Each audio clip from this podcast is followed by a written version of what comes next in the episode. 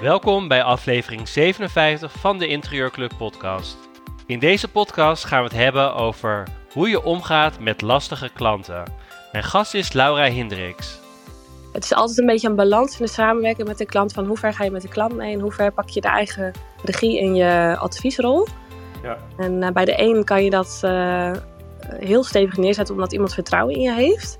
Maar in dit geval merkte ik op een gegeven moment van nou, volgens mij heeft iemand zo'n duidelijke visie, die kan niet openstaan voor andere dingen. Laura biedt haar ondernemersprogramma voor de interieurprofessional aan in de Interieurclub Academy en ook haar masterclasses.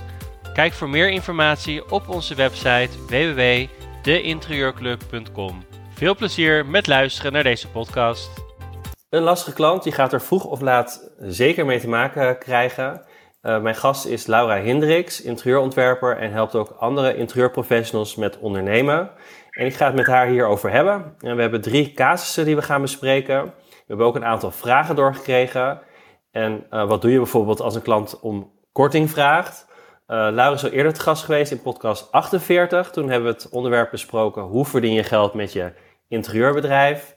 Laura heeft al jarenlang ervaring en heeft vast wel eens een lastige klant gehad. hoe ga je daar goed mee om? Uh, wat kun je doen? Wat kun je beter niet doen? Uh, en welke invloed heb je zelf in dit proces? Laura, welkom. Dankjewel. Vertel, uh, even kort, wie ben je? Ik denk dat de meesten je wel van de vorige podcast nog kennen. Ja, zou nou, jezelf vertellen? Precies, voor degenen die mij nog niet kennen, ik ben inderdaad Laura Hendricks, interieurontwerper, gespecialiseerd in verbouwingen.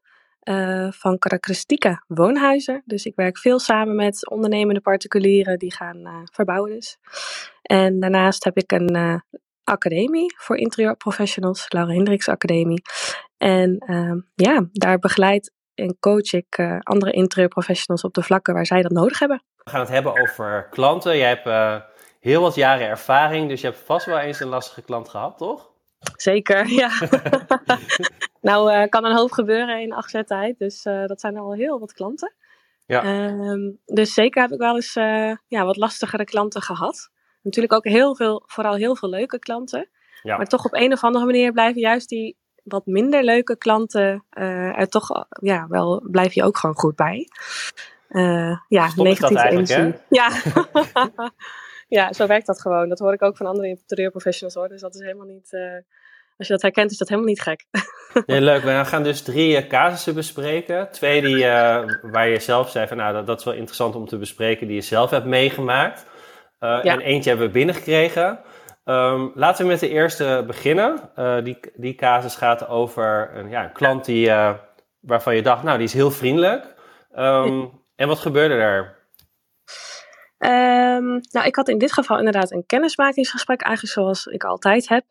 En dan uh, ja, bel ik altijd van nou, ehm, is er een match? En uh, wat, is, wat is de adviesvraag in dit geval? En kan ik daar iets in betekenen? Uh, in dit geval was het kennismakingsgesprek online, waar ik ook veel juist live kennismakingsgesprek hebben. Was dit in, dit geval het meest praktisch, in verband met de afstand. Um, ja, en eigenlijk was dat een heel goed gesprek. Heel leuk, leuke mensen. Um, dus niks op aan te merken. Leuke adviesvraag. Uh, klein beetje haast, maar dat, ja, dat kan een uh, soort signalement zijn van, oh, pas even op. Uh, maar in dit geval dacht ik, nou, ik heb er alle vertrouwen in, offerte gemaakt. Of nog vergeleken met iemand, andere collega, en uiteindelijk hadden ze voor mij gekozen. Dus ik dacht, nou, superleuk, gaan we doen. Um, ja, dus dat was een beetje hoe het begin is gegaan. En en jij doet, jij doet altijd eigenlijk, meestal offline kennismakinggesprek, dus ga je bij iemand langs? Ja, dat vind ik wel het fijnste. Dat uh, moet niet hoor, maar ja, echt wel die kennismakinggesprekken, dat leg ik ook uit aan de mensen. Van, nou, dat vind ik zelf wel het meest prettig om ja, face-to-face te doen, omdat je dan echt goed kan aanvoelen of, of, er een klik is. En dat kan op beeld ook hoor. Uh, ik doe het ook geregeld wel en dan uh, gaat het gewoon prima. Maar ja, offline, gewoon live, kan je toch net even wat ja, sensoren, voelsprieten aanzetten dat op beeld niet kan. Ja. Uh, ja, ja, ik, dus... ik noem ze altijd red flags. Dat je inderdaad ja. achteraf denkt, ja, dat was een red flag en dat was een red flag. Ja, precies. En uh, ja, dan, dat zijn wel inderdaad, daar kunnen we zo wel even op doorgaan. Uh, van die rode vlaggen waar je op moet letten. En, en je, je zei, nou, de, de, gast, de klant was al een beetje gehaast.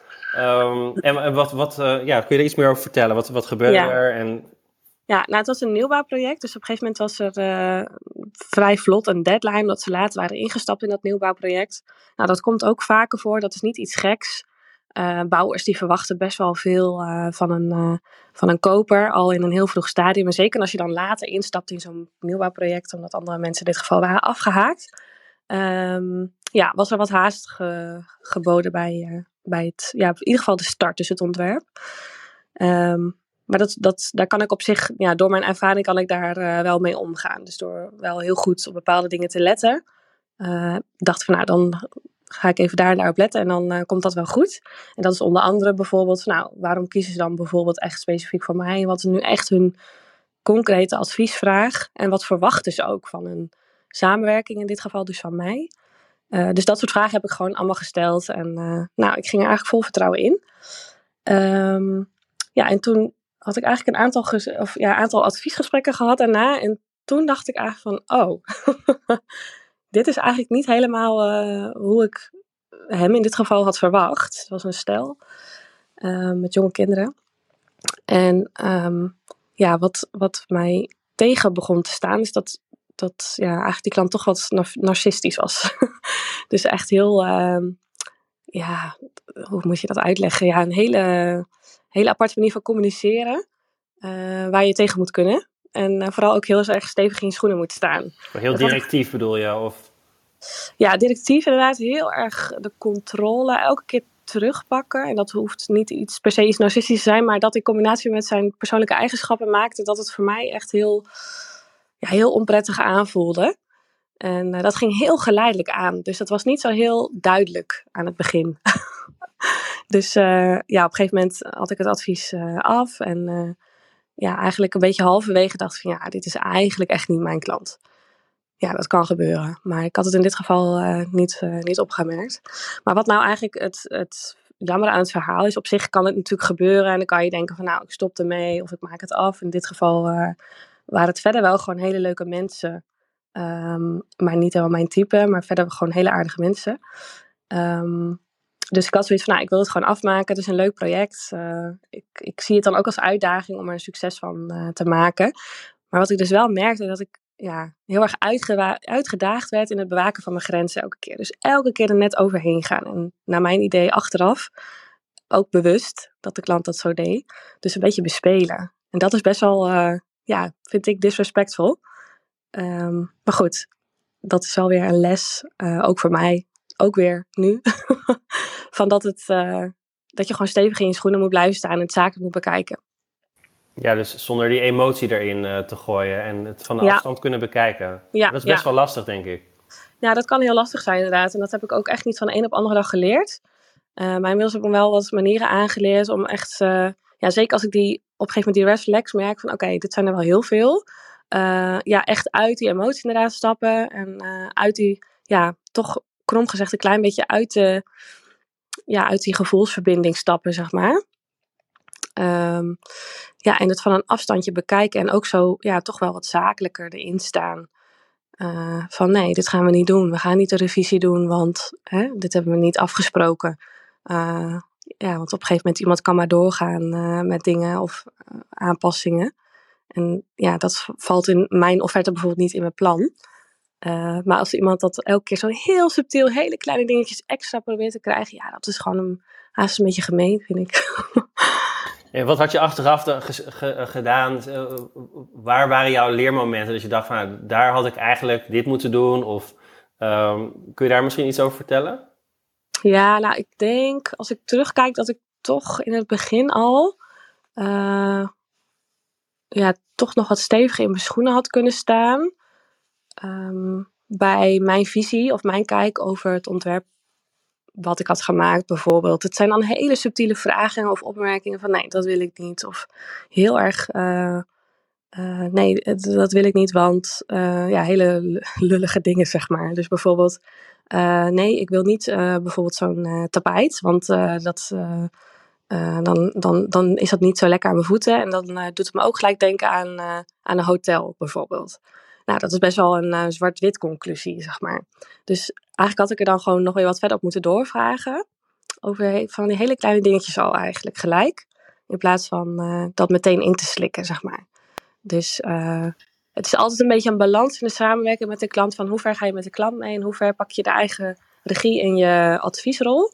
Ja. En bij de een kan je dat heel stevig neerzetten omdat iemand vertrouwen in je heeft. Maar in dit geval merkte ik op een gegeven moment van, nou, volgens mij heeft iemand zo'n duidelijke visie, die kan niet openstaan voor andere dingen. Ehm, die weet gewoon precies, eigenlijk moet ik het gewoon uitvoeren zoals die wil. Dan is die pas tevreden. Ja. Ja, nou ja, het is natuurlijk ook uh, die balans. Uh, je verleent natuurlijk een dienst, dus je wil ook dienstbaar zijn naar klanten toe. Dus je wil ook niet heel strikt, uh, je wil ook een beetje flexibel zijn.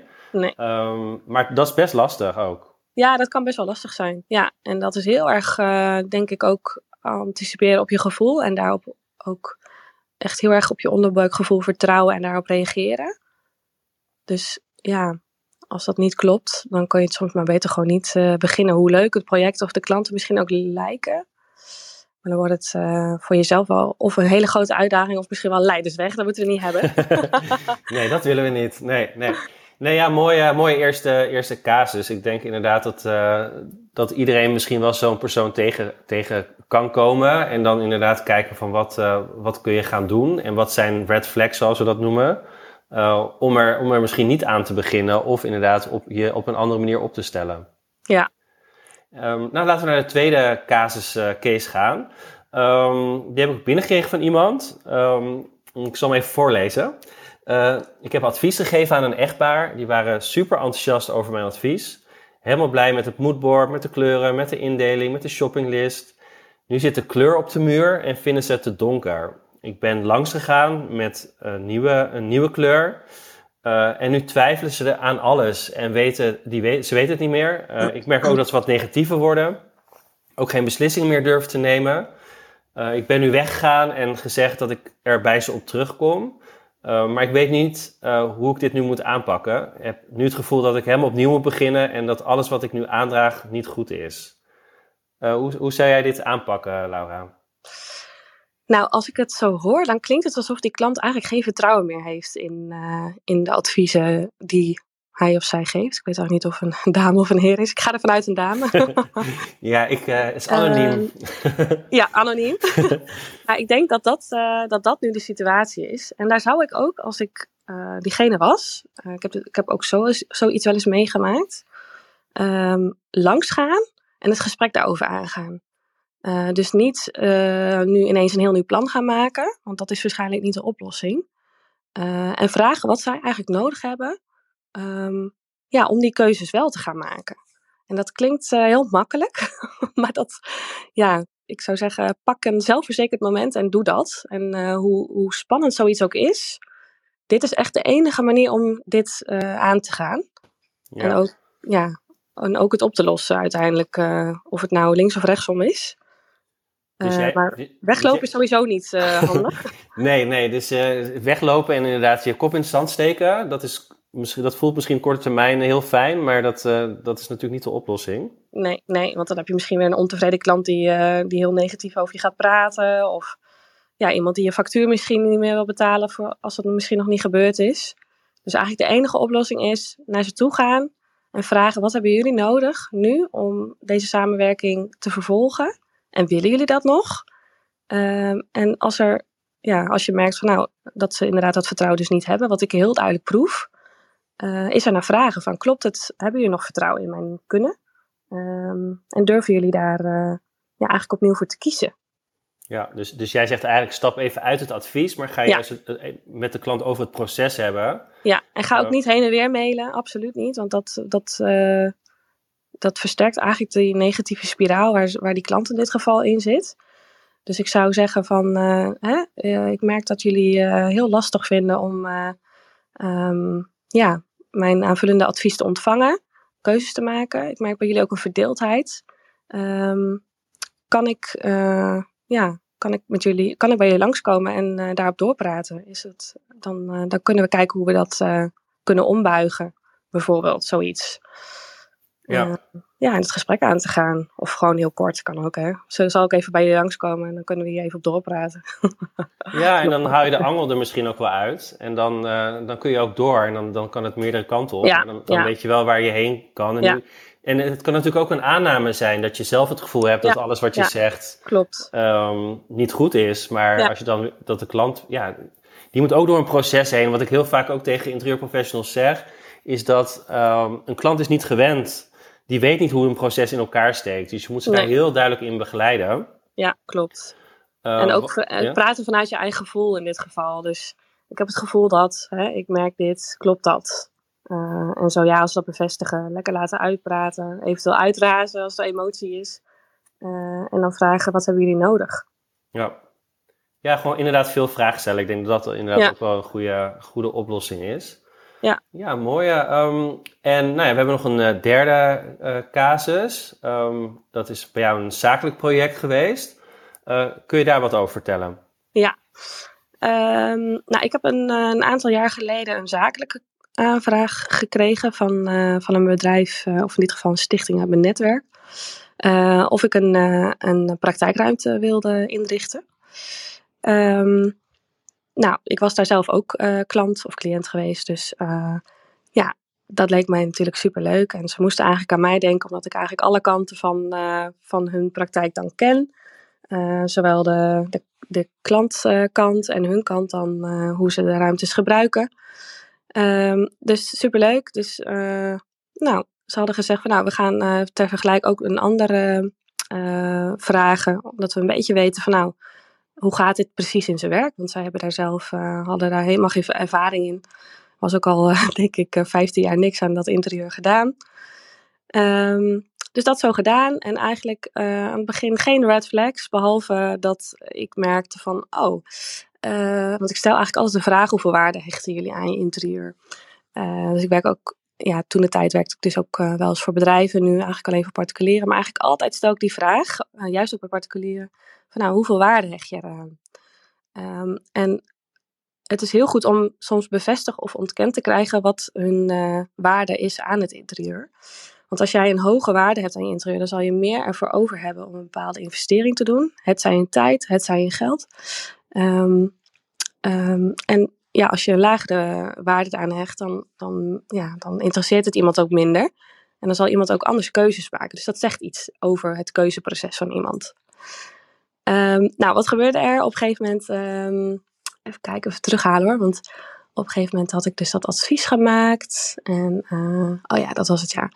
Uh, op een gegeven moment was dat helemaal goed gegaan. En er waren meerdere eindbeslissers. In dit geval um, uh, zes dames. Achteraf ook een red flag. Wat ik uh, ook nooit meer zal doen als er zes eindbeslissers zijn. Op nee, zich ging dat, oh jee, ja. ja. op zich ging dat voor, voor zes eindbeslissers eigenlijk ja, droomwaardig. Dus dat ging gewoon supergoed. Dus uh, helemaal geen, geen gekke dingen. Het ging heel soepel eigenlijk. Ze waren het er allemaal wel mee eens wat ik had bedacht. En nou, we konden de uitvoering in. Um, totdat we dus de uitvoering ingingen. En ik zei van nou, hè, uh, ik heb het echt uh, het beste met jullie voor. En ik weet dat jullie niet veel uh, budget hebben voor het interieur en voor mijn diensten. Dus ik wil jullie eigenlijk aanbieden gratis de projectbegeleiding te doen.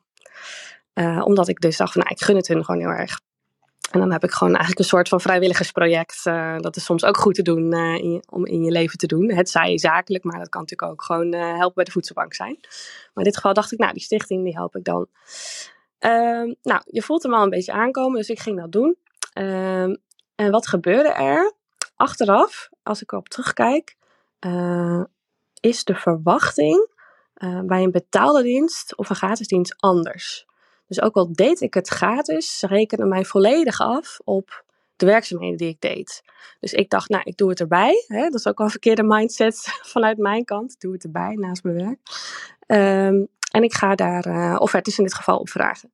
Dus dat had ik gedaan, offertes opgevraagd. En uh, ja, ik had uh, bijvoorbeeld ja, die offertes dan klaar en compleet. En enige controle erop gedaan of het compleet was, had ik gedaan. En dan heb ik het doorgestuurd, dat doe ik altijd, naar de klant. En dan moeten zij de eindcontrole doen en de opdracht geven. Nou, dat was in dit geval ook zo gegaan. Tijdens de laatste bijeenkomst met die zes mensen had ik die offertes laten zien en gezegd van nou, dit zijn offertes. als het goed is hebben jullie ze al ontvangen, doorgelezen. Dan is het nodig om hier te ondertekenen. Dan kan ik dat naar de, in dit geval vloerenleverancier, toesturen. En ehm, wat gebeurde er? er bleek een verkeerd kleurnummer op een offerte te staan, die ik niet had gezien. en de klant in dit geval ook niet. dus wat gebeurde er op een gegeven moment? er lag een verkeerde vloer in, in, in die praktijk. Nou, ik, uh, ik kreeg het al helemaal Spaans benauwd natuurlijk. ik kan er niet te veel details over geven, want uiteindelijk is daar dus echt een, uh, hebben ze mij aansprakelijk gesteld. Uh, en is daar een, ehm, ja, bijna een zaak uitgekomen.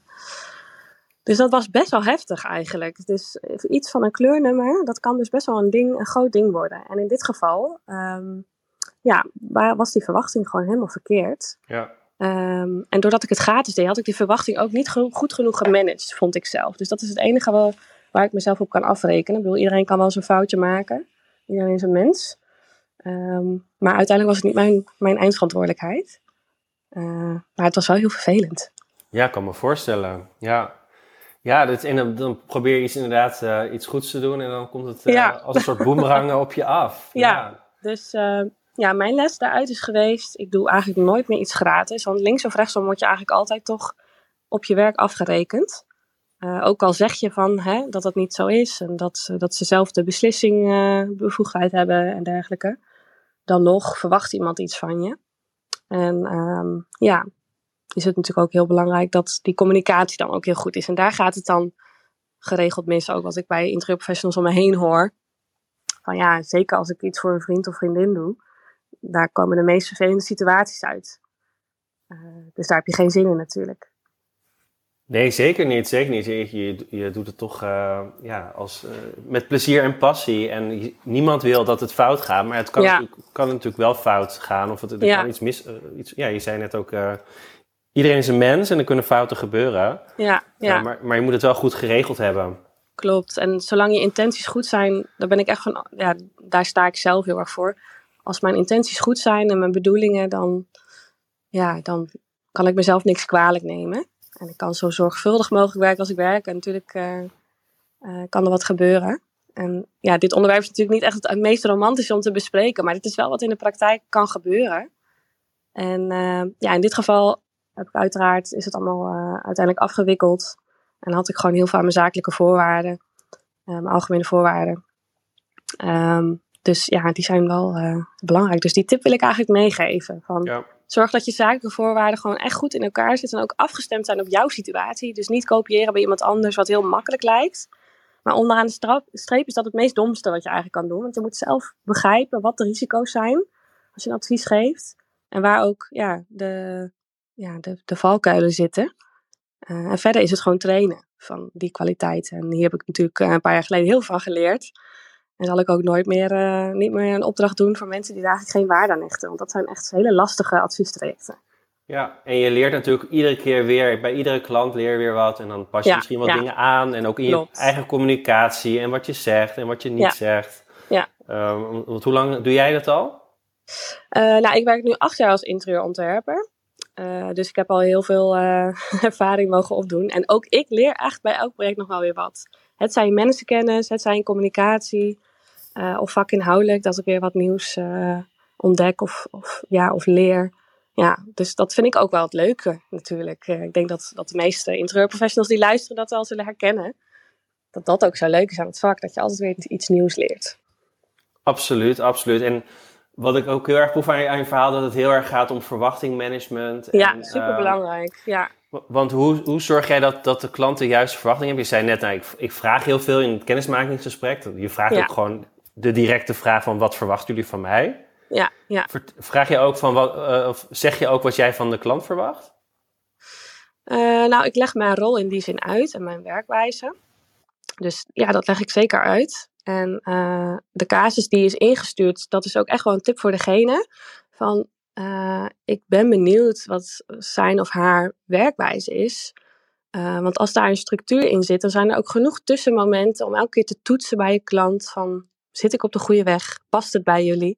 Dan heb je ook iets om op terug te vallen. En eh, zeker ook als je dat ja, geregeld op de mail even samenvat na een adviesgesprek, dan is dat gewoon heel slim om te doen. Dan kan je daar altijd even naartoe reiken als je een keer in een situatie komt wat dreigt te ontstaan in een conflict of discussie. Um, ja, dat uh, ja. is wel belangrijk. Ja, in, inderdaad. En het is inderdaad, jij moet het proces bewaken, maar je moet, dan moet het proces voor jou duidelijk zijn, maar ook voor de klant. En voor heel veel interieurprofessionals is het, hebben ze zelf niet een heel helder proces, of dan is het allemaal een beetje warrig. Ja, en dan kun je ook niet uh, um, het proces bewaken maar, en ook niet uh, eventueel bijstellen als dat nodig is. Ja, inderdaad. Ja, dus ik denk een goede werkwijze is daar super belangrijk bij. En ja, echt die verwachtingsmanagement en een goede communicatie. En uh, dat moet je doen op een manier dat bij jou past. En ik leg ook uit, in, bijvoorbeeld bij een kennismakingsgesprek, van nou, dit is hoe ik werk. ik ben iemand die planmatig werkt, dus dit kan je van me verwachten. Je ontvangt vooraf een planning. Je ontvangt vooraf wat ik, wat ik graag van je ontvang als input. En dan ga ik dan aan de slag. Dus ik ben best wel helder in mijn communicatie. En um, ja, ik denk dat dat ook goed is om zelf over na te denken. Ja, ja je neemt klanten stap voor stap mee in het proces. Ja. ja. En nou, we hebben ook nog wat vragen binnengekregen. Um, en een van de vragen is, hoe ga je uh, om als klanten, wat zeg je als klanten om korting vragen? Oeh, goede vraag. Nou ja, allereerst ben ik dan altijd benieuwd waarom ze korting vragen. Um, ik denk dat het begint bij, wil je korting geven? Um, en, en ik vraag ook altijd van, waarom willen jullie een korting? Vinden jullie het niet waard wat ik vraag? Of hè, vinden jullie mijn prijs te hoog? Of waar zit dat in? Dus eigenlijk het gesprek aangaan. Altijd even bellen, niet terug mailen. Dat is altijd het beste. Dan heb je iemand meteen aan de lijn. En soms vragen mensen het namelijk ook uit een soort gewoonte. Hè? Net zoals dat je naar een keukenzaak gaat, dan weet je gewoon dat je altijd te veel betaalt. Uh, dus ik leg het altijd ook gewoon zo uit van, hè, ik ben uh, zelfstandig ondernemer. Ik, ik, vraag de prijs die ik wil vragen en die ik moet vragen om uh, hier een inkomen uit te halen. En zoveel tijd besteed ik er aan, aan dit project. En als iemand korting wil, nee, dat doe ik niet. Um, ik zou eigenlijk willen adviseren van, als iemand dat vraagt, dan zou ik dat, dus dat gesprek aangaan. En ook meteen de wedervraag stellen van, um, ja, um, waarom? En uh, ik, ik vind het zelf altijd heel vervelend als, als ik heb het in het begin natuurlijk ook wel eens gedaan, kort gegeven, maar dat, wat ik merkte, is dat je dan eigenlijk nooit meer de ruimte hebt om iets extra's te doen. Um, ja, of, of wat harder te lopen, zeg maar, als dat nodig is. Je kijkt toch een beetje per project van wat is nodig om, uh, om dit tot een succes te maken. En ja, je kan beter iets extra's geven als, als iemand er echt heel erg op gebrand is. Of je merkt, ik wil deze opdracht gewoon heel graag. Dan kan je beter iets extra's doen, ik noem maar wat, uh, een uurtje of een advies. Dan dat je korting gaat geven. Dan neem je jezelf niet zo serieus. Ja, ja ik, ik, denk inderdaad, het is ook vaak gewoon een gewoonte. Dat merk ik ook wel. En inderdaad, als je het goed uitlegt, dan, uh, dan is de klant er ook uh, prima mee. En ik, ik geef ook altijd de tip van ja, ga jezelf ook afvragen van ga je die klant verliezen stel je zou geen korting uh, geven. Um, ja. en, en, als het antwoord uh, nee is, ja, dan moet je het sowieso niet doen natuurlijk. Nee, nee. Uh, en als het ja is, ja, dan is het misschien niet degene die, die je moet hebben. Nee, nee, klopt. Ik heb het ook wel eens gehad hoor. Ja, dan gaat het niet door. Nou, dan niet. Dan wordt het iemand anders. Ja, dan moet het ook gewoon niet zo zijn. Denk ik dan maar. ja. Oké, en we hebben nog een andere uh, vraag gekregen. Kan ik van mijn kant zeggen, van mijn kant zeggen, uh, omdat ik de klant onredelijk vind, um, dat ik stop met de opdracht? Nou, je kan zeker stoppen met de opdracht. Ja. Dus uh, het is wel handig dat je daar even iets in je zakelijke voorwaarden vooraf hebt opgenomen. Hoe, hoe het gaat met annuleren. Maar je kan eigenlijk bijna altijd wel stoppen met een opdracht het is al wel even zaak om goed op te letten hoe je stopt met die opdracht. Dus dat je niet iemand ga, zomaar gaat beschuldigen uit het niks van uh, je bent onredelijk. Maar dat je dat wel even met wat, uh, met wat tactiek doet. ja, inderdaad. En, uh, maar, en hoe zit het dan juridisch? Als ik, heb je daar een idee van? stel ik zeg midden in het proces van nee, ik stop ermee, want dit gaat gewoon niet. Ja, nou in principe, ik heb bijvoorbeeld in mijn voorwaarden staan van bij eventuele afwikkeling wordt er naar evenredigheid gefactureerd. Maar als je echt denkt, ik wil echt stoppen en dat maakt niet uit wat het kost, dan zou ik gewoon zeggen van ga in gesprek met de klant. Uh, dat jij de opdracht wilt beëindigen, want je ziet geen toegevoegde waarde bijvoorbeeld van de samenwerking. Um, dat je wil voorstellen om, om de opdracht te beëindigen. en dan, zullen ze, dan is het gewoon even aanvoelen hoe ze reageren. En als ze heel erg verrast zijn of heel boos, dan zou ik zeggen: neem je verlies. Laat dat geld lekker voor wat het is. Dus krijg je nog een uh, claim aan je broek. als mensen echt in emotie zitten, namelijk, dan wordt, worden dingen ook erger gemaakt. Um, maar ik zou eigenlijk gewoon adviseren van als je twijfelt, vraag gewoon even een jurist om advies hoe je het beste kan handelen. Uh, die kan ook even meedenken in jouw situatie en ook uh, in samenspraak met je algemene voorwaarden. Ja, ja, het komt vaak terug als je echt in een lastige situatie komt, dat je zakelijke voorwaarden, wat je net ook zei, dat die gewoon kloppen. Ja.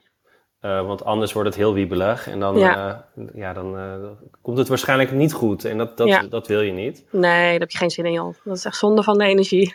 ja, oké. Okay. En um, nog de laatste vraag. Um, heb je tips zodat ik in een oriënterend gesprek beter kan aanvoelen of een klant bij mij past?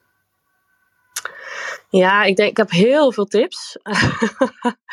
ik zal ze niet allemaal geven, maar ik denk dat het namelijk begint bij een stukje ja, personal branding en positionering. Dus dat je aan de voorkant goed vertelt wie ben ik en wie wil ik aanspreken. En als we het dan hebben specifiek over het oriënterende gesprek, dan zou je heel erg kunnen gaan um, uh, vragen kunnen gaan stellen op het gebied van wie zij zijn. Uh, zodat je een beeld krijgt van nou, wie is hij of zij en uh, hoe. Ik, ik vraag bijvoorbeeld altijd wat voor werk diegene doet, want het zegt iets over karaktereigenschappen en talenten. Uh, ik noem maar wat, als iemand uh, boekhouder is, dan heeft hij hele blauwe kant van persoonlijkheid. Dus dan is hij veel analytischer, zal hij veel, wat, ja, ten opzichte van creatievelingen bijvoorbeeld veel wat meer zwart-wit uh, soms denken. Um, wat niet fout hoeft te zijn, hè? zeker niet. Dus iedereen spreekt aan, aan wat bij diegene past. En als jij merkt van, oh, ik weet het niet zo goed, dan is er waarschijnlijk iets wat niet matcht. Dus deze vraag wordt niet voor niks gesteld. dat het misschien een keer is gebeurd. Uh, dus ik zou eigenlijk samengevat even goed doorvragen op wie zij zijn, uh, wat ze doen in de vrije tijd. Uh, ik vraag bijvoorbeeld ook um, hoe een ideale samenwerking voor hun eruit ziet. Zodat ik goed kan kijken van nou, past mijn manier van werken bij, bij diegene? Um, ja, en wat, wat ze fijn vinden in communicatie bijvoorbeeld vraag ik ook. Dus het zijn best wel specifieke dingen wat je kan vragen. om daar een beter beeld bij, bij te krijgen. En wat bedoel je qua communicatie? Wat, wat, bedoel je daarmee? Eh, op welke manier je communiceert of wanneer? Ja, ja. nee, op welke manier bijvoorbeeld. Ook wanneer, maar uh, ja, ik vraag bijvoorbeeld van nou, wat, wat vind je nou wel of niet fijn op het gebied van communicatie? Ik, dan kijken mensen altijd een beetje raar op van, huh, die vraag had ik even niet verwacht. Uh, maar er zijn bijvoorbeeld mensen die zo druk zijn dat ze eigenlijk alleen maar tijd hebben en het ook fijn vinden, snel vinden schakelen om via WhatsApp te communiceren. Ik noem maar iets. Nou, als jij dat als interieurprofessional echt niet prettig vindt en eigenlijk het liefst alles via de mail doet, ja, dan heb je wel even een, een gat te dichten, zeg maar. ja. Uh, ja. ja, en als je dat van tevoren weet, dan kan je kijken of je kan aanpassen richting je klant. En of je dat wilt, jezelf de vraag stellen. Uh, ja. En hetzelfde geldt ook uh, op het gebied van communicatie, kan ook een antwoord zijn, bijvoorbeeld van nou, ik vind het heel fijn als we duidelijke um, opdrachten meekrijgen. dat, we, dat we weten wat we weer moeten doen. Uh, dat ze graag helderheid willen, bijvoorbeeld. En dat, dat geldt voor de ene klant wel en de andere weer niet.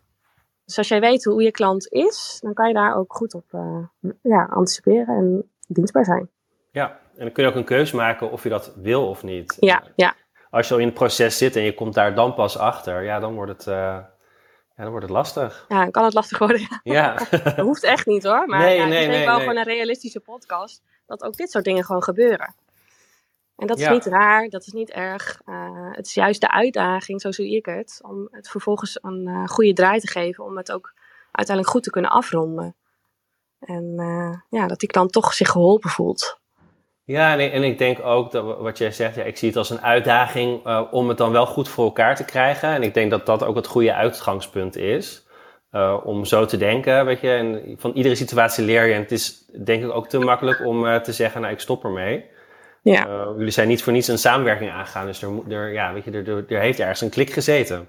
Ja, ja, maar ik kan me heel goed voorstellen als je dat dus, net zoals ik bij die eerste kaas wat we zeiden, totaal dat niet verwacht hadden, dat dat een keuze kan zijn om ermee te stoppen. Want ja, als het zoveel negativiteit kost en geeft eigenlijk dus, en zoveel uh, energie kost, dan, ja, dan is het gewoon een leidersweg uh, voor beide partijen. En dan moet je gewoon soms besluiten van nee, ik uh, hak die knoop door en we gaan weer verder. Maar op een andere manier. En misschien denkt de als je er een goed en open, eerlijk gesprek over hebt, dat de klant dat misschien ook wel denkt. Ja, ja, ja precies. ja, mooi.